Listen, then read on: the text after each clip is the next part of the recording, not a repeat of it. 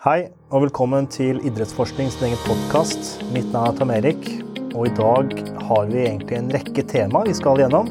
Blant annet skal vi snakke om idrettsvitenskap og hvordan det foregår i England. Og vi kommer også til å snakke om søvn, og hvordan søvn kan påvirke helsa vår og prestasjon inn mot idrett. Intervjuet kommer til å bli utført av min gode kollega Matthew Shaw, som er også en del av idrettsforskning. Gjesten vår heter Tom Cullen og er fra England. Og eh, det kommer til å bli et meget interessant intervju. Hele intervjuet kommer til å være på engelsk, og vi håper at du tar deg tida til å høre på.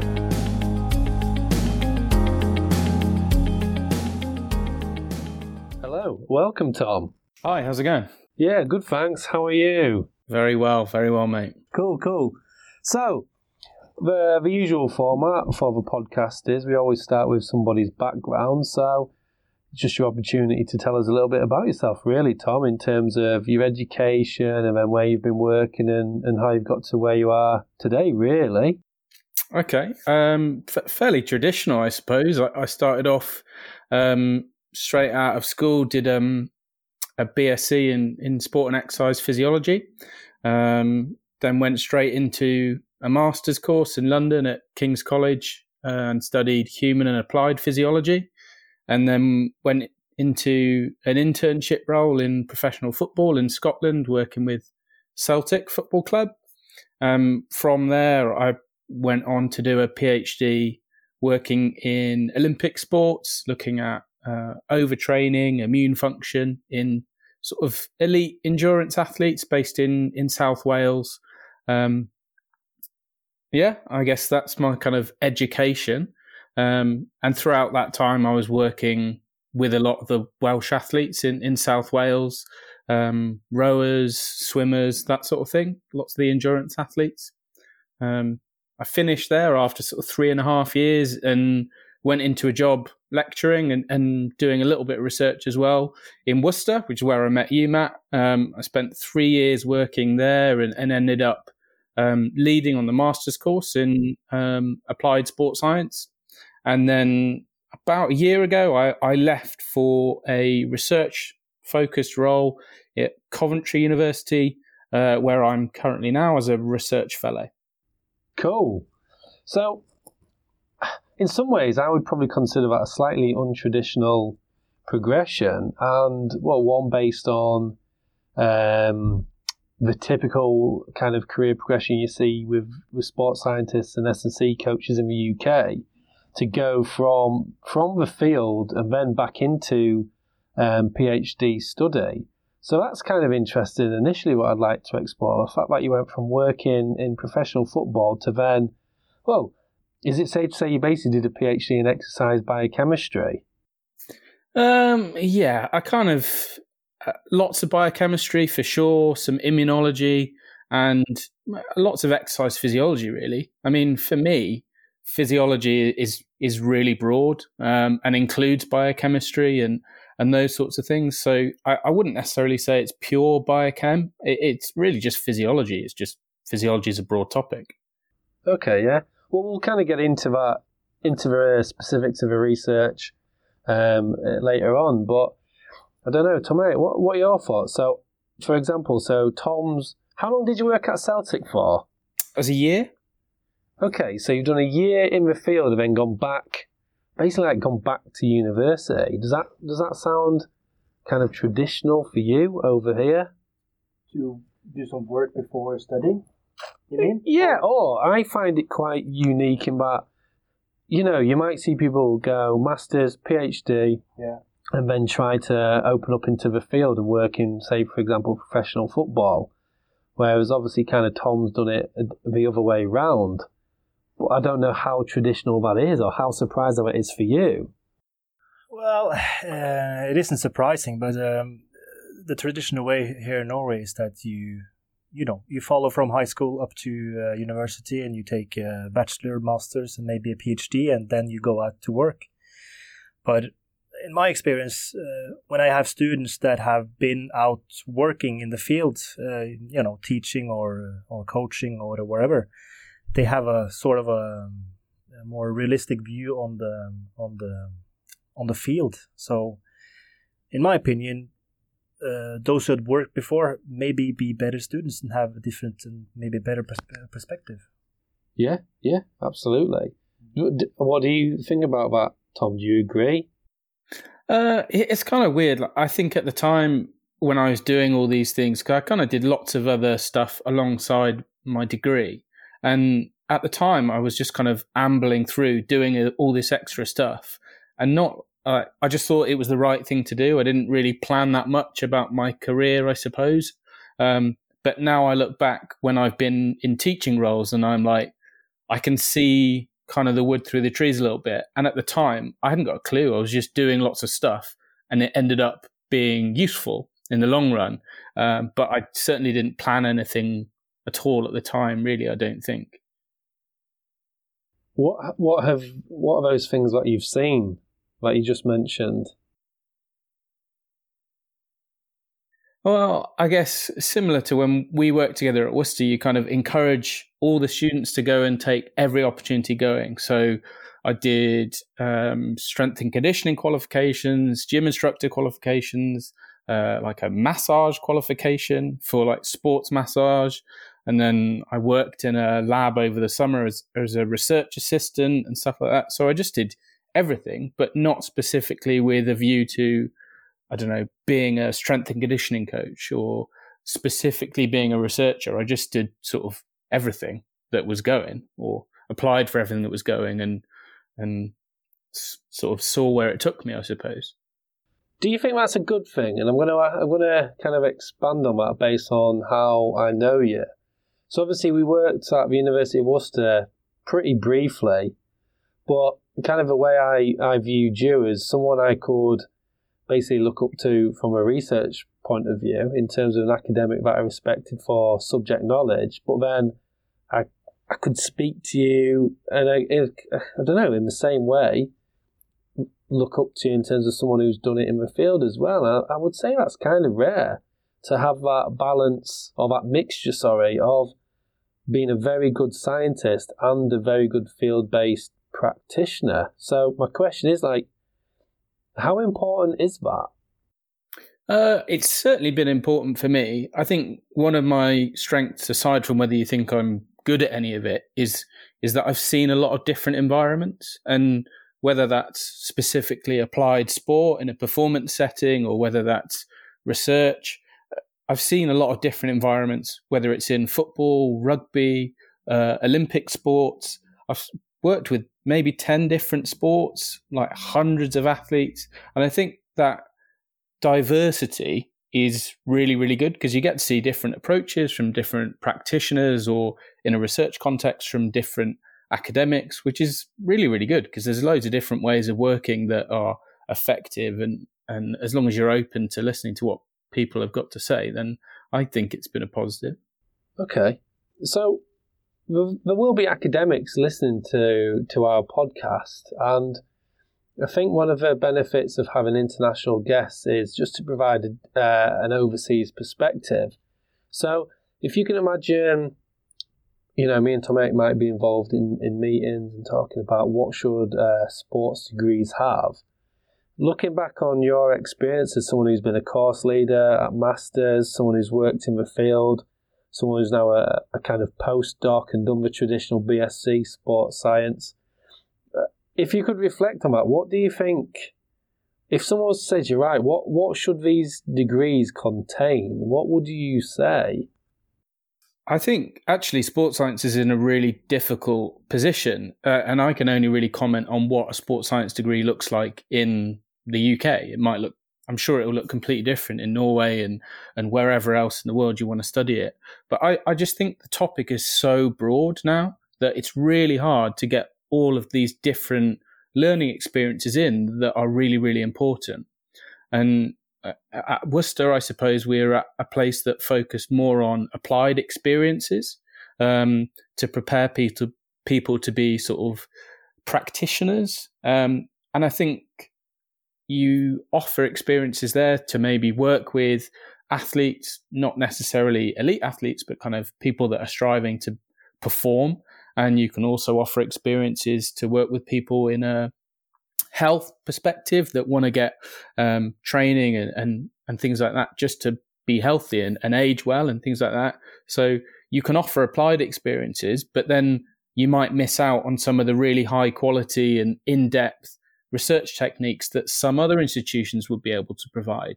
And I, and I think it's really rare that a university these days can do both effectively um, because some of the really high quality lab scientists just don't have access to and don't work with people in the field all the time.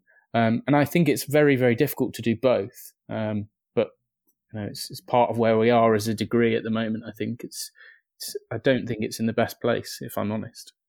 I suppose it's a what's the word? I suppose there's all, almost a conflict between art versus science to some extent.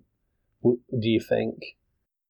Um, I don't know. I mean, I know you were going to ask me uh, along those lines, and I, am not. I'm not sure there is. Um, but it also depends on the sport that you end up working in, and I think there's a big differentiation between some of the team-based sports, football particularly, uh, and that extends to other sports that we've got primarily in, in the UK, rugby and, and cricket and things like that, where it, a lot of the time practitioners get into jobs um, because they're likable um, and obviously knowledgeable, but primarily because they convince someone at interview that they want to work with them.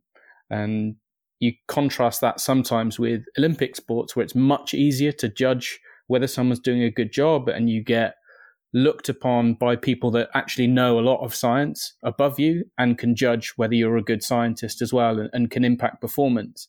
And, and I think it's a really different skill set to work in those different environments. Um, so I think it's a difficult, you know, it's a difficult balance to have and, and a really different skill set required. You just made a very interesting point, which I suppose is specific to you working with people above you who are very good at science. So, have you got an example of that?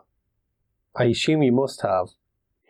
Um, well, not for me specifically, um, because in the role that I was in when I worked at Sport Wales, I was doing a PhD where the, the main scientists that knew what I was doing and knew what I was talking about were all academics in the university and the applied scientists working with the other athletes um, were off working with their other teams.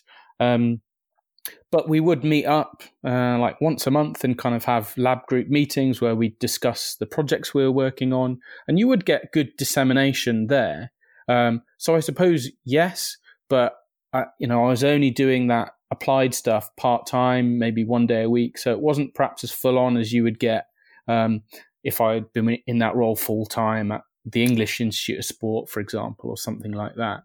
Um, so not perhaps as much, but if you contrast that with something like a football environment, and I don't want to hammer football too much, but the environments they work in, like you could get away with saying anything as long as you convince someone. No, no one above you, the coaches, the academy manager, or whoever, they're not going to pull you up on the science that you're that you're telling them um, even the doctors or physios, you know, people that are well educated in that environment, you know, you in those positions, you you know the most science, and and you're not necessarily going to get pulled up on the quality of your science in those roles. Whereas um, in the other positions, you you probably do a bit more.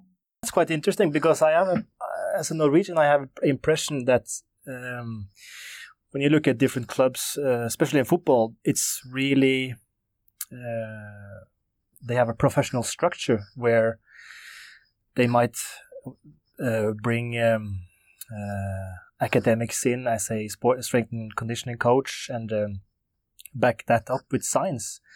And what you say about you can actually say whatever? Uh, that's really really surprising because that's pretty much the same thing we do here in Norway. I get uh, uh, the impression of. Uh, especially in the in the lower levels or lower divisions. But does this what you said right now does it apply to uh, every level of performance? Uh, I can't really say. I mean, uh, I haven't worked at every level. You know, I've only had experience of uh, two clubs from a football perspective of working hands on, um, and it might be different at other clubs. And and I say what I say uh, based on some of my experiences at, at Celtic, and and they were they were planning to bring in uh, academics who'd got real experience, you know, a lifetime's experience working in and assisting footballers. Uh, Jan Hoff and Helgerud from from Scandinavia, who you you guys all know and, and who are experts in the field. So they you know, some clubs do it. They didn't do it when I was there, but they certainly planned to. So I think in those cases, you you I would have had a different experience perhaps. And and some other clubs where you've got maybe a slightly different performance structure, maybe they do have um, better oversight or or, or something slightly different going on than than what I experienced. But I'm I'm sure it'll be a different experience at every different club you go to. Well, I think there's going to be similarities and differences, obviously, but there's going to be similarities in across the globe. Really, I think the sport is the culture, not necessarily the country, if that makes sense. Especially with the amount of overseas labour, both coaching staff and players so I think it might be more indicative of the sport, really, some of these sports science cultures. Yeah, I, I think, uh, kind of to expand on some of what I've said there, I think when I started off in football and and when I transitioned into my PhD, uh, my supervisor at the time said one of the reasons we chose you and liked you was because you'd got a good balance between field based and lab based science and understood uh, where you had to make compromises and then also where you couldn't compromise and where you had to maybe come up with a workaround, for example, to still maintain the kind of quality that you needed to kind of still say, yeah, we're actually doing science here. We're not just making things up as we go along. Um, and I think I've actually found that harder to find that balance as I got more experienced as a scientist. Um, and as as the topic uh, has evolved, I think there's been massive evolution in sports science in the last ten years since I've been, you know, out of my uh, master's degree and, and things like that. And and also I've as I've started to review more and more papers for kind of academic journals, um, you just see more and more poor quality science that's going on in the field that in these clubs, they must think it's really good because they're sending it off to get potentially published at high quality journals, and the the quality of the science is not good. It's really not good. Um, so I think the longer I've gone on, I've definitely found it harder to have that balance. Um, I don't know what that says about me and whether I'm good at in a particular environment or not anymore. Um, well, obviously, without without, uh, I don't want you to to name anybody, but uh, have you got an example of where you consider this kind of poorer quality science? Like, not necessarily a paper, a research group or whatever, but a, a, a testing context, like a variable. I don't know. You're talking like hydration or or sprint markers, or or uh, for example, this acute chronic workload. What, what, was there anything you had in in mind?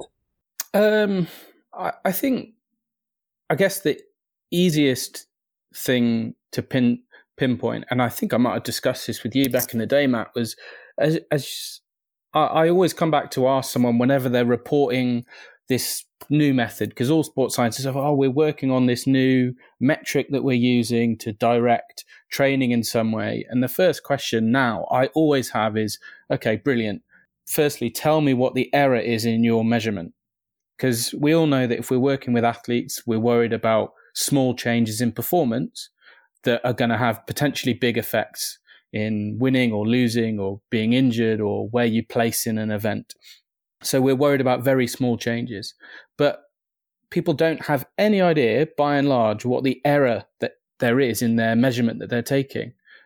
And very, very rarely, when I ask people that, do they have an answer? And it's it's really easy to know. You know, you could say, right, the error is 5% in this test. So if you can't measure within that error, like you've not got a very good test. It's not reliable enough really to detect those small but potentially important changes that you're going to be reporting. And that's like it's pretty basic, really, when you think about good quality science. Yeah, I agree. Of course, um, you know, errors. This kind of seems to be this overlooked thing, um, or just basics I've seen where when they do a retest and the surface is different, just just basics like that. But going back to the error thing, I mean, and Tom Erik will be able to give more insight on this. But my first impression, or more recent impression, of sports science, in particular as football, is but basically where you'd be a physics trainer. It's basically a sports scientist. Yeah. Physics trainer. Well, And- yeah, not scientist in the right way. Yeah, but you're a yeah. Coach. And um, I would say that it's not as well resourced over No. over here, or not as strongly considered where there'd be much of a budget. Where when a board's deciding funding, I imagine sports sciences is the last thing to be talked about. But as you said, it's not something to be overlooked because of that. So I suppose the question is, what everyone in this country will be testing sprint performance in some way they'll be using some kind of measure of um, um, player load through GPS or there's other radio systems a lot of a lot of clubs use over here. So what should they be doing in in, in practical terms? What could they be doing? You can just quantify the error of that measurement and whether that's you can easily use like a, a standardized rig or you can look at error between uh, the units say if you're using gps or some other kind of radio frequency device you can easily look at the error between the units and, and it's going to be a lot of the time in the low percentage range but like it's really important that you know that so then you can set something like the smallest worthwhile change. Um, and lots of people will talk about that in um, hopefully in university degrees. Um, but it's a it's a measure that I remember not being taught when I was a student in my undergrad studies, and um, it's really important. You need to have an idea of of that. Um, so there's there's simple things you could do. Um, you can either trust the uh, manufacturer, who should be able to give you that information, or you can do some simple in-house testing. Would you argue? And again, this is kind of transferable to any any kind of country, really. Would you argue perhaps there needs to be a greater emphasis on statistics and kind of meaningful statistics? I agree with you. I probably wasn't aware of basics of like coefficient of variation until really I started doing some of my research. I mean, the last thing I can really remember doing as a master's student, maybe test for normality when I was doing stats or like uh, repeated ANOVA. But in terms of maybe ICC, there's like some measure of reliability. But in terms of like the basics of error, do you think that's something lots of places are missing in, in formal education, in, in sport formal education? I, I think they probably are teaching it, but I think students just remember what they enjoy, and like no one enjoys that lesson. Um, I remember teaching it, and I thought I'd prepared like a really engaging session, and I just got met with seventy faces that like hated me and didn't want to talk to me and wanted to leave because there was something more interesting happening uh, anywhere else. Like it really was not a good session to teach. Um, people didn't get it; they didn't understand the value of doing it. Um, and I put a lot of time in to try and make that a decent session. Um, so I think probably most places do have at least basic sessions on on that sort of stuff. Um, but I'll be honest, it's one of the areas that sports science is evolving so rapidly. Um, there've been huge debates about um, statistics within the field at the moment, and some really high level academics and journals don't know what to do about uh, some of the statistical issues that have been thrown up by stati- statisticians from outside of sports science, sort of criticizing our techniques. And um, lots of people will talk about whether it's MBI or, or other things. I mean, it's not, we shouldn't always just have a witch hunt for magnitude based inference, but it, it's a really important issue that kind of it is useful to highlight around um, how we use statistics in our field. And you asked about statistics earlier. I think it's a rapidly evolving area that really we're not we're not educated well in, but is really important once you start digging into what your data actually means. Yeah. Have you got anything to share on that? On statistics? Uh, well, you just in on- general yeah, yeah, about- yeah. Well, I, Think, speak of your own experience, really. Yeah, um, uh, the, the first thing you talked about uh, when you had planned this session and uh, used a lot of time to plan it and it's all went to shit. Um, if you're gonna, gonna do it again, have you done? Um, should you have done it any differently, or what was the problem? You know, was it too hard? Was it too boring? Was it? Um, I just don't think they got it, and I spent a lot of time planning it, like I've said, and um, part of the problem was people actually didn't follow my instructions correctly, because I'd set up like a mock experiment between two groups of the class and gave them different instructions. So I wanted to investigate whether if I gave really, really precise instructions um, for separate basic sports science strength and conditioning tests that you would do, if I gave really precise instructions, would that provide more reliable data with less error in it? And the kind of the experiment actually went the wrong way because the people that had rubbish uh, instructions, it just said do a jump, and hopefully in my head I was thinking right they're going to jump all sorts of different ways with no standardization, whatever. And um, the other group, it was really precise jump three times, take the average, whatever. And the other group just so were like, why do we need to measure three times? We'll just do it once and then use that. So they got like almost perfect data because they just hadn't read the instructions properly or followed it to how I'd done it. So, I mean, that's a completely different issue. It's just dealing with children, basically. But um, a learning experience for me, and I certainly didn't run that session like that again. How old were the students? Oh, second year of a university degree, so they'd be 19, 20. Ah, okay. So quite quite young. Well, you consider that young. We Yeah. we wouldn't. Yeah, now because the school system are way different. Uh, yeah. Yeah, I could see that going the wrong way if I've done this because uh, here in Norway, um, you are 19 um, when you finish high school. If you go all the three years, you don't start in uh, university before you're. You could start when you're 19, but then you have taken some different roads in high school. But you, um, the earliest you start in when you're 20. But you're quite young, and I, I can see the problem if I'm going to do the same thing that you did with uh, my group now in the first year here, which are approximately 20 years old. They will not see the see the meaning of it. I think. Yeah, I agree. So it's frustrating because we all do. We all see the meaning of that. And where does that when does that transition happen where if you came into a lunchroom and said about that activity, people would be like, Cool. But then the students don't. So my question is, and I don't even I don't know if there's an answer, is when does that transition happen?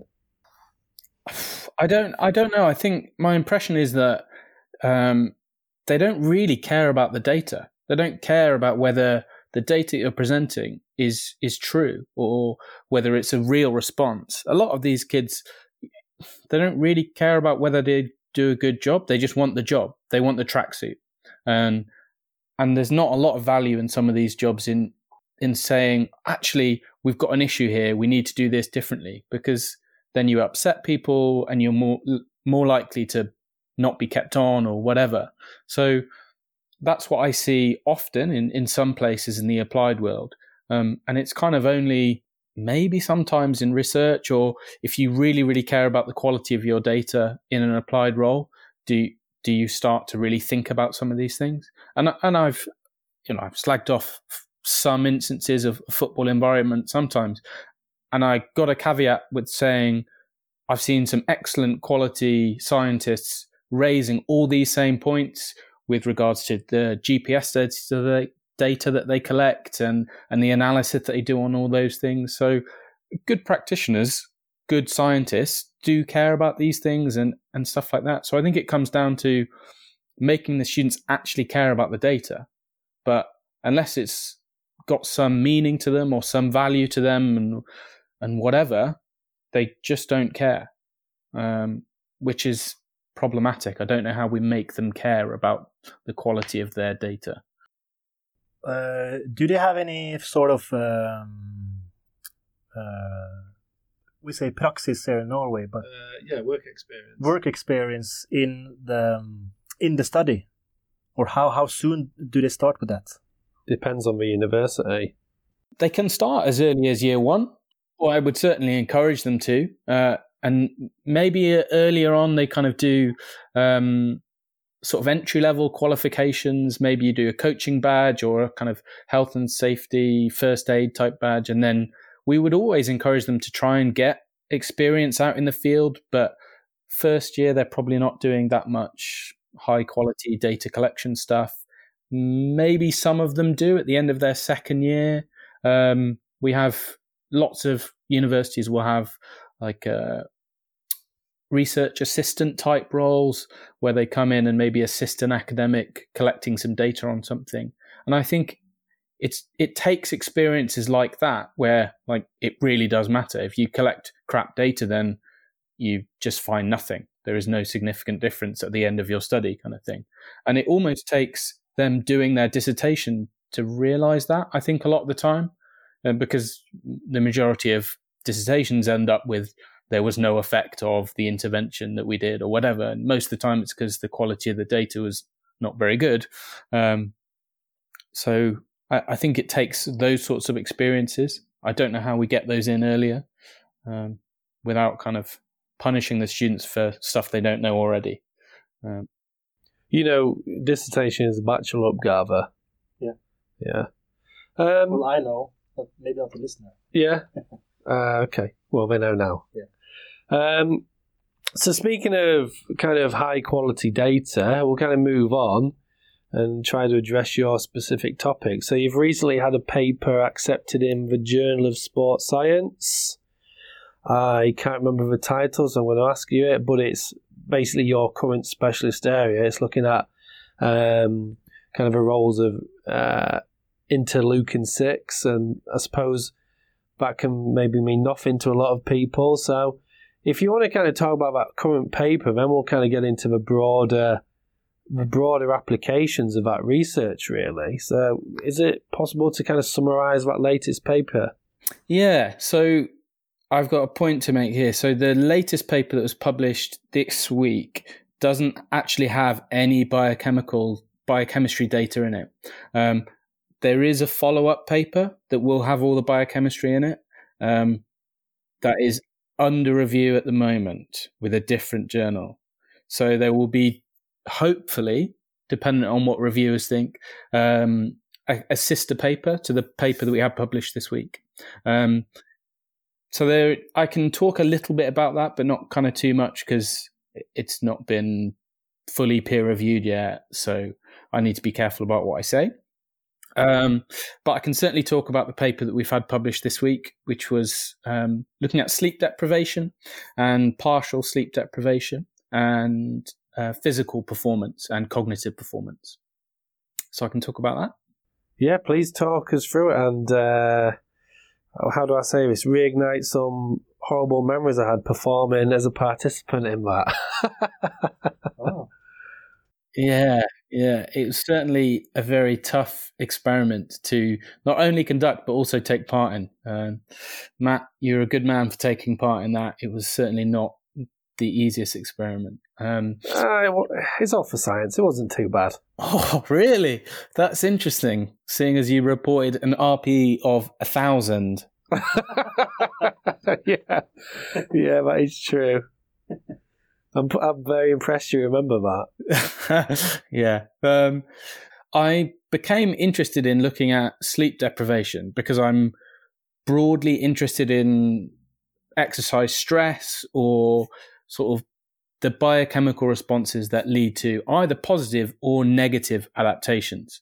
Um, obviously, sleep deprivation is very, very negative. Um, and I wanted to use it as a tool to investigate why we feel fatigued and, and some of the signals that result in either reduced performance and really investigate that paradigm.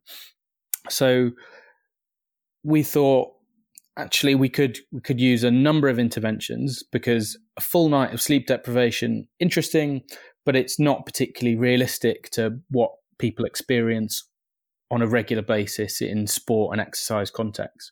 Um, it does happen occasionally. Um, lots of people feel really anxious before major games and, and things like that. It's kind of one of the major issues in, in major tournaments.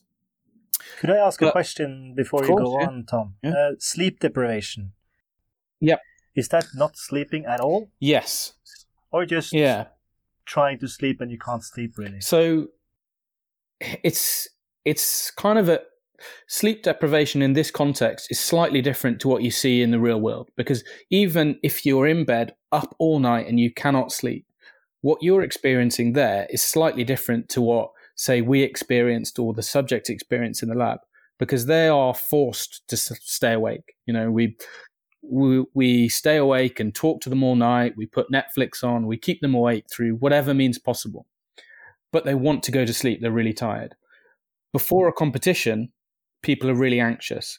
They're nervous. They're trying to go to sleep, but they just can't. So it's actually a, a slightly different neurological and biochemical response that we're seeing there. So you have to be a little bit careful in that you're forcing this sleep, sleeplessness upon them rather than them experiencing it through some other reason.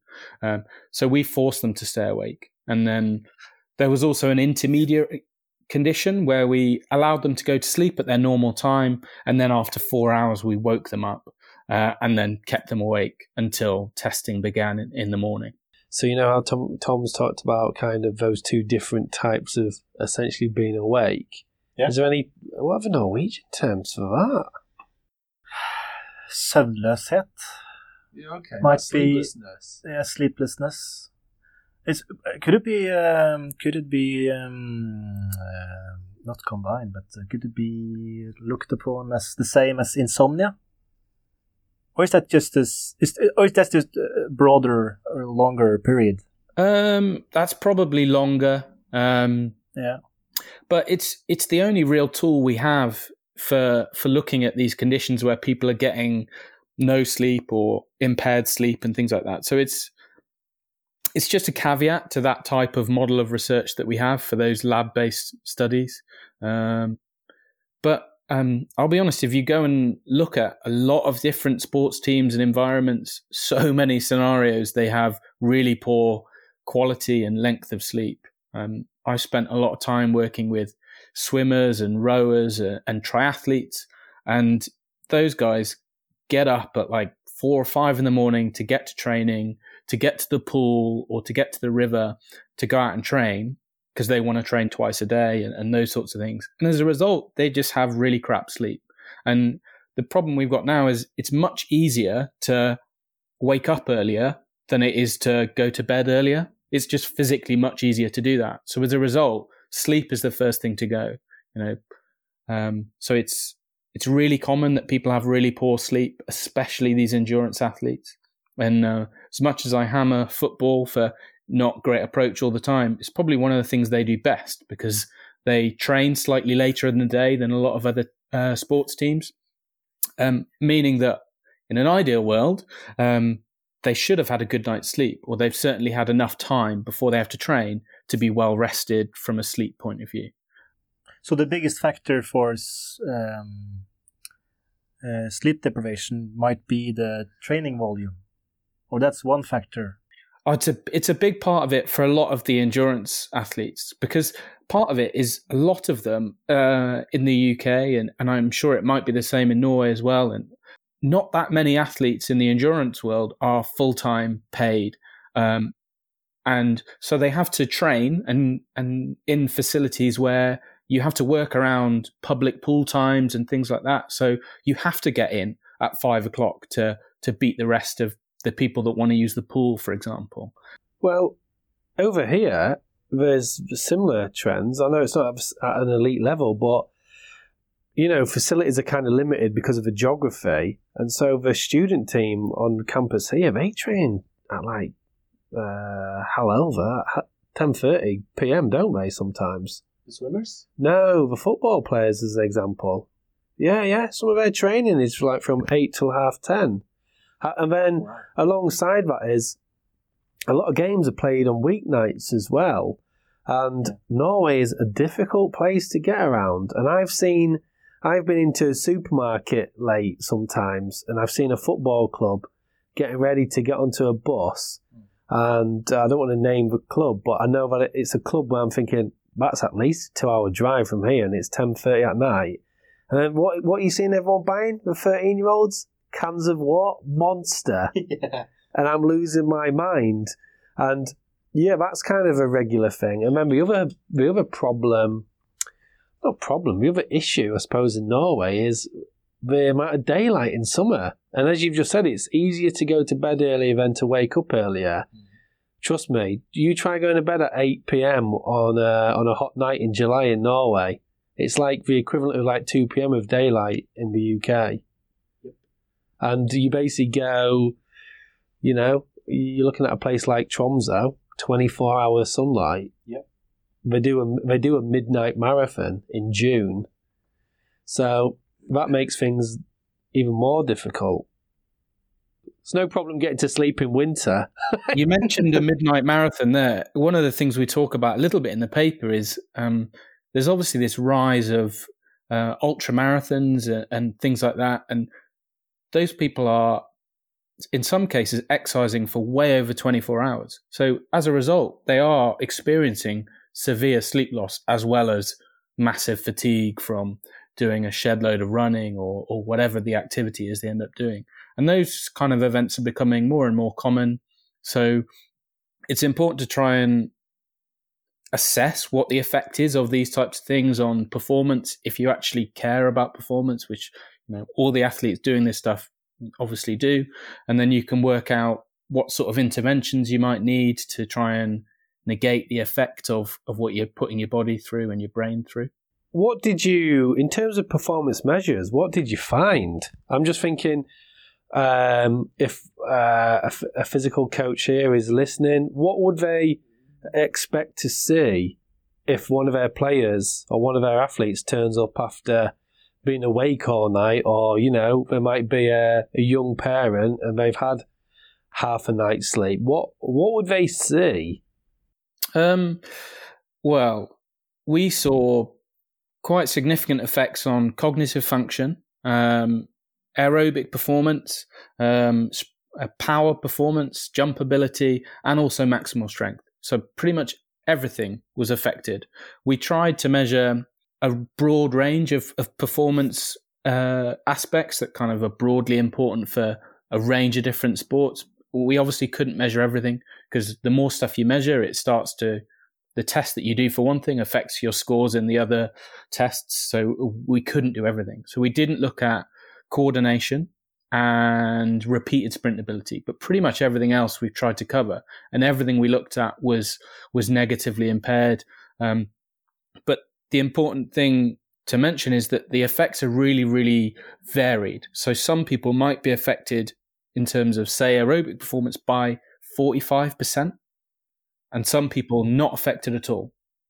So it's really varied, and that's kind of been seen throughout all of the studies on um, sleep deprivation or impaired sleep. So it's really variable. So we don't really know why some people are protected against it, but it there it looks like the more aerobically fit you are, um, that you're protected to some degree. Um, we don't really know why yet, but it'd be an interesting thing to look at. So they're kind of quite easy applications for athletes. Now, we hopefully have listeners who are what you say in Norwegian, mannen i gata, yeah. the man in the street. So you kind of weekend warriors and your your gym goers. Is this kind of research useful for more general population recreational exercises? Uh, I, I don't think it is really. I mean, it is about performance, and if you're doing those things, it's just great that you're out there doing it. Um, and if you went out on a bender the night before, brilliant. It might give you a slight increased risk of injury or, or whatever, but at the end of the day, our study was primarily focused on performance. And for those guys, you, you might care, I mean, it's pretty obvious. You know that it's going to have a negative effect on your performance, so you probably shouldn't do it. You probably knew that before you decided not to have a great night's sleep, um, or before you ended up not having a great night's sleep. So it's, I mean, it's it's fairly basic stuff in, in terms of that. Um, I, I don't think it's that crucial to those types of people, but I mean, it's it's more information, which is a good thing, I think.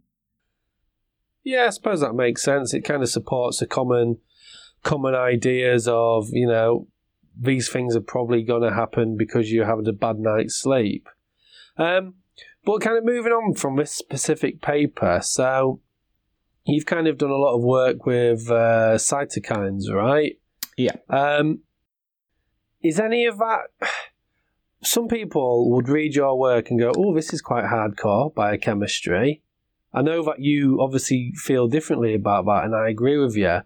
Is how could you apply your findings to this man in Igat, to the man in the street? Is there anything for the general population and these weekend warriors to benefit from from from this um, this level of research, or the level of your research?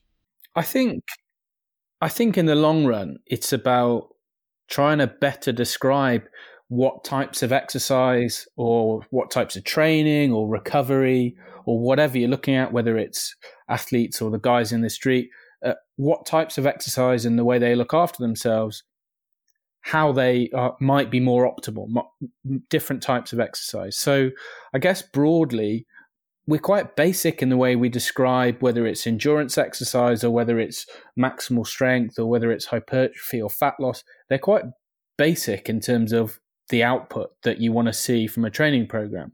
But the problem I have with that is that there are loads of other things that are really important to whether it's long term health or aerobic performance or maximal strength or whatever that might be better ways of describing the effects of the exercise than just those classic measures that we've always had. Um, so I think it's part of the way we better understand um, how exercise works, and then as a result, we can kind of plan different types of exercise more effectively for different people. But I I completely agree. It's a long term thing. There's loads of work that we need to do for different populations and, and things like that because you know, if we're just interested in maybe fat loss, for example, not you know, that might not be the most appropriate type of training for someone that's looking to just get fitter, for example. Uh, and if we had a broader array of the way we describe training, um, then I think we've got a better chance of doing that. Has that developed your understanding of different types of training specific to the biochemical markers you've, you've previously looked at?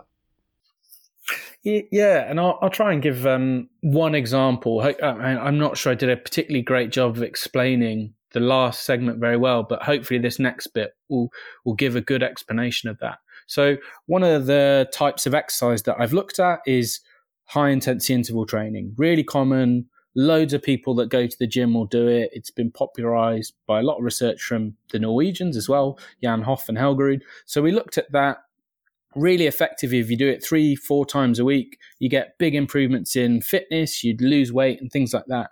But I'm interested in inflammation and cytokines, which are important for health and things like that.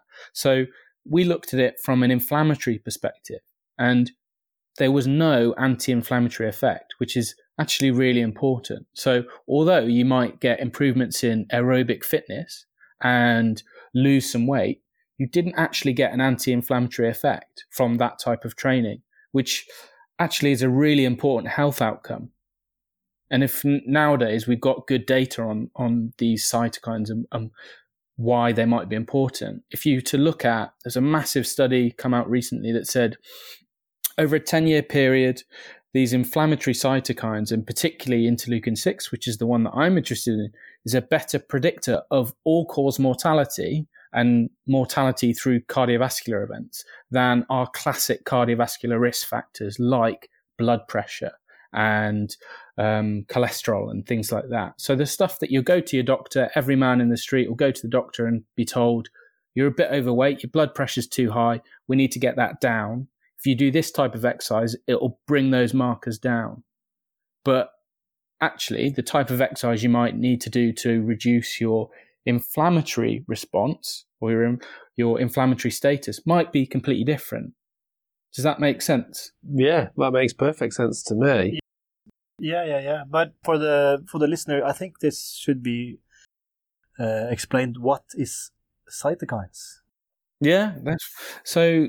Cytokines are intercellular signaling molecules, or do I need to simplify that? What's the term in Norwegian? Intracellular um, signalmolekyler. So it's pretty Yeah, the yeah, same yeah. thing, basically. Just the pronunciation. Yeah. Cool. Okay. So cytokines are signaling molecules that communicate responses within the body and within cells. So they function a little bit like hormones, like testosterone and cortisol that we have all have heard of that are important parts of the way we respond to exercise and training in the long run. So they're part of how we communicate within our body, whether they are positive adaptations to exercise, but also negative adaptations. So I've researched cytokines for their potential negative effects in the overtraining context. But lots of people are also interested in the potential positive effects they can have in terms of reducing chronic inflammation. So, of course, aren't going to be a huge amount of biochemists working in the field. Where do you see that going in terms of like a field based practitioner who works with athletes? Is there any, one, is there any use to this um, knowledge? And two, is there any, ever going to be an application for them to be able to measure this, if that makes sense?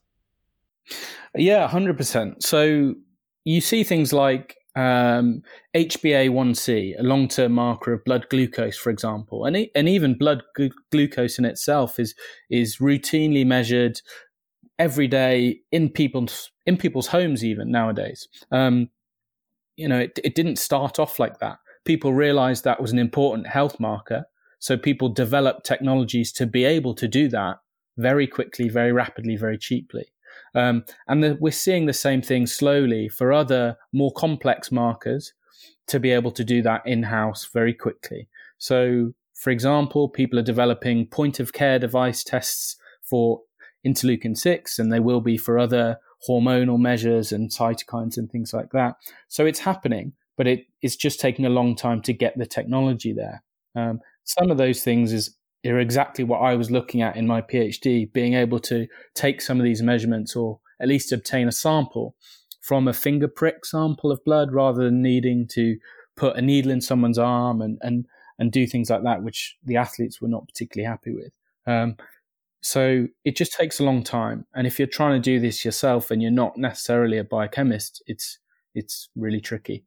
I think the the, well, it's obvious. One of the reasons why these measures or less sensitive measures are taken is because of cost. So, do you ever see a time where this kind of level of invasive measure is going to be kind of broadly administered in healthcare? You know, it's very easy to put a blood pressure monitor cuff on compared to a venous blood sample. Yeah, 100%. If you think about um, one of the, mo- as a physiologist, broadly, I'm an exercise physiologist, your bread and butter tool is measuring blood lactate. And, you know, once upon a time, that was a much more complicated process. Nowadays, we have point of care devices to do that, like a lactate scout or a lactate pro 2, and they give you a sample within 10 seconds. I mean, they're pretty inaccurate, but but they're used all over the planet with athletes in the field. They're cheap to buy. They're relatively cheap to buy in terms of lab tests. They're 400 quid to buy the um, equipment, and then it's you know pence or pounds. Um, you can convert currency for me um, into Norwegian Krona. um, for example. and then people will be doing this stuff in in every sport in every country. So it only takes time. A long time ago, a company did get in contact with me because they wanted to produce something like this for cortisol, testosterone, and interleukin 6 to be able to do the same thing point of care. Um, and it, English Institute of Sport a long time ago were interested in this as well, and I had conversations with them, and it never ended up going anywhere. Um, but people are are interested. Um, I think it'll I think it'll be driven by the medical industry though, because their uh, biotech is is better than sports science, so they'll develop the kit more effectively than we will, um, and it'll it'll come from health rather than sport, in the similar way to glucose did, you know, blood glucose measurements. So you've kind of talked broadly about sleep deprivation and, and, the effects of it on, on exercise, and then you've talked about your kind of main research area, interleukin 6. Where, and you've obviously performed some research combining this. How does how do these two things interact? Yeah, so we've we've collected the data, we've analysed it all, and that's part of the study is, is under review at the moment with another journal. Um, hopefully it will get accepted fairly soon. So it's really the main driver for why I wanted to look at sleep deprivation, in that we see um, some aspects of cytokine functioning are altered by sleep deprivation. And there might be effects in terms of fatigue and and things like that. So that's the main reason why we looked into this area. And I can describe some of the results um, in that typically what most people find in terms of what why people are performing worse following sleep deprivation is that they think people's perception of effort, so RPE, which is classic, really regularly measured um, tool in in sport and exercise science, that is increased. So if even if you're doing the same intensity of physical exercise we typically don't see any changes in heart rate or or even VO2, some of our classic physiological measures, but your perception of how hard you're working is increased. Um, and Matt, you are someone that had a massive increase in their perception of how hard they are working, even though even though you are actually producing less power output on the bike. You you're producing less physical work and your perception of how hard that was was massively increased. And and that's a fairly consistently found result um, in the sleep deprivation literature. But what we wanted to do was we wanted to investigate whether there were some circulating biochemical responses that were preceding this. Um, and we've measured a range of things, not just cytokines. Um, some other markers, I don't want to say everything, but a range of other biochemical uh, signaling processes that we think might be involved in this altered perception of effort.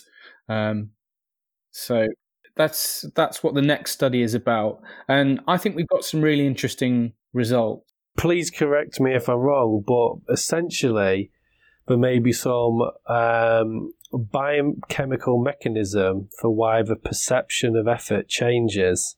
Yeah, yeah, absolutely. So we know that perception of effort is obviously decided within your brain. Um, and there's really good evidence that cytokines and other lots of other biochemical um, signaling molecules can cross the blood-brain barrier and then have effects within the brain uh, and bind to different areas within the brain and, and, things like that. Um, so we think they might be released um, during physical exercise from the muscle or other uh, organs and then have effects within the brain. So I'm kind of interested in this muscle to brain interaction, um, which hopefully will have some interesting findings for. Yeah. But you you said in the start um, about high intensity interval training that it didn't have any effect on these cytokines. Did was that correct? So it's kind of complicated in that we get increases in some, which are uh, interleukin 6, and then we didn't see increases in the anti inflammatory cytokine interleukin 10. So the way that these cytokines work is in a cascade. So one will be produced and it might increase the activity of another one and then another one and, and things like that. But what we propose is that there needs to be a certain threshold of interleukin 6 to cause some of the other positive effects that are elicited through things like interleukin 10. And the increase in IL 6 was so small, we don't think we saw an effect on interleukin 10. But is that is that because of the um, training method, or is it because of the um, the period you were you were training? Or what, was this a single bout or? Yeah, it's a single bout. So there's not a huge amount of data on long term training in terms of in- inflammatory responses, uh, but broadly we see a re- reduction in chronic low grade inflammation, which might be through TNF alpha or IL 6 itself. It gets a little bit complicated because IL 6 can be pro or anti inflammatory, depending on the context. Um, and this is kind of one of my bugbears that I wanted to talk about on the podcast, but I didn't know whether I'd get a chance. Is that I have a real issue with people wanting to simplify everything. Because one of the things Matt said in his email was like, make this simple for the everyman in the street. And instantly I'm thinking, but this isn't simple. Like, this is part of our problem is that we want to reduce everything to like, tell me the one thing. And it's like, well, no, this isn't one thing. There's like a load of stuff that's important and it's really complicated. And if we don't understand the complexity, then we're just going to reduce stuff to information that is of no value because we're missing how things interact, um, which is complex. And lots of people get this stuff wrong, and I'm sure I get it wrong in a lot of contexts. So it's really important for me to say that like I'm interested primarily in cytokines, but there are loads of other really important signaling responses that go on that contribute to our phenotypic response. You know? And I'm just interested in one little bit because I can't measure everything. Like it would cost a million pounds and you'd have a human with like a hundred holes in them. You'd have a hole in their leg, a hole in their brain, because you'd want all samples to look at all the different effects that are going on within the body all at once. It's the great thing about exercise. It's got major effects throughout pretty much the whole of the human body, but you can't measure everything. Um, so it's, it's, it's complicated. IL 6 has positive effects. It has negative effects. It depends on lots of different things uh, and they can be positive within an exercise context and negative at the same time. So it's it's kind of a, a tricky topic. It's led to some really interesting titles in in the field of interleukin six recently. A title that I really enjoyed was "The Good, the Bad, and the Ugly of Interleukin six, um, describing this context dependent nature of of the way that it works, and that in if you don't exercise a lot, it increases and can be negative. Whereas if you exercise, it increases for a short period of time, then goes back down. And if you do that again and again and again, in the long term, you have positive effects. Uh, and it extends far more complexly than that. But I've just given a snapshot of why it's interesting for me anyway. So sometimes it's positive, sometimes it's negative. So I suppose it's a bit like uh, hypertrophy of the heart, in that obviously in disease that's a bad thing, in endurance performance, it's potentially a good thing. Uh, yes, yeah, I suppose so. Yeah, I mean, there's a really nice paper that came out of Copenhagen uh, last year that was a fantastic paper in this field, and it interleukin 6 is important in in arthritis, which is a chronic inflammatory condition, and it contributes to the negative aspects of that that condition. And it's important in the pain perception that people have and, and things like that, and just the inflammatory condition itself. Um, so people developed a drug to block the interleukin 6 receptor. And they thought, well, if we block this, we'll reduce inflammation and then people will feel a bit better. They won't have as much pain. They'll be able to be a bit more active and things like that. And it worked. It decreased their arthritis symptoms. But in the long run, people got diabetes. And when they exercised, the guys that took this interleukin 6 blockade didn't have any of the beneficial adaptations to do with reductions in fat mass, which, like, you talk to most people nowadays in middle age, and the reason they exercise is to lose fat mass, right? Um, and if you take this drug that reduces your arthritis, but it also means you're going to continue to put on fat mass, it's not ideal. Well, you don't want to be heavier and have weaker joints, do you? exactly right. So it's it's good for some things, not good for others. Um, so it, it, it's a great example of why we need to understand more about um, the way our signaling works within our body to better understand and program exercise and other clinical interventions like drug therapy and things like that. Wow, so that's a pretty interesting study and just another example of, as you've been saying, Tom, it's a very deep, complex subject. And you're right, we perhaps shouldn't try to simplify everything. I know Edrex Idrettsforskning, our project, is part of our infographics project as well. We do look to try to provide maybe, yes, sometimes a simplification, but then we also, what we would say to anyone is don't just read or don't just look at our pictures on Instagram. This is why we provide the full link to the paper. And it's exactly the same thing. We can't just rely on oversimplifications. In fact, we can't just I'm sure you'll agree. Just you can't just listen to this podcast and become an expert on cytokines. So, but there's there's obviously lots of work to, to be done or research to continue. However, in contrast to that, sleep is perhaps something that is a bit more practical to manage. So, for for the listeners here, or those that are listening to this and the practitioners, do you have any general recommendations for sleep? I know that you briefly mentioned it's easier to try to go to bed earlier than wake up earlier. Have you got any more kind of, as we say, fast, um, tangible um, recommendations? Yeah, I think um, there's lots of people with a whole wealth of research on kind of these types of interventions and, and, and stuff like that. I think in you should start off with just working out how much sleep you're getting and is it enough? Because the majority of people nowadays are relying on an alarm to wake up. And if you think about your body's pretty good at the majority of the time sort of regulating itself. So if you didn't set an alarm, what what time would you wake up? Matt, you'd probably wake up about midday.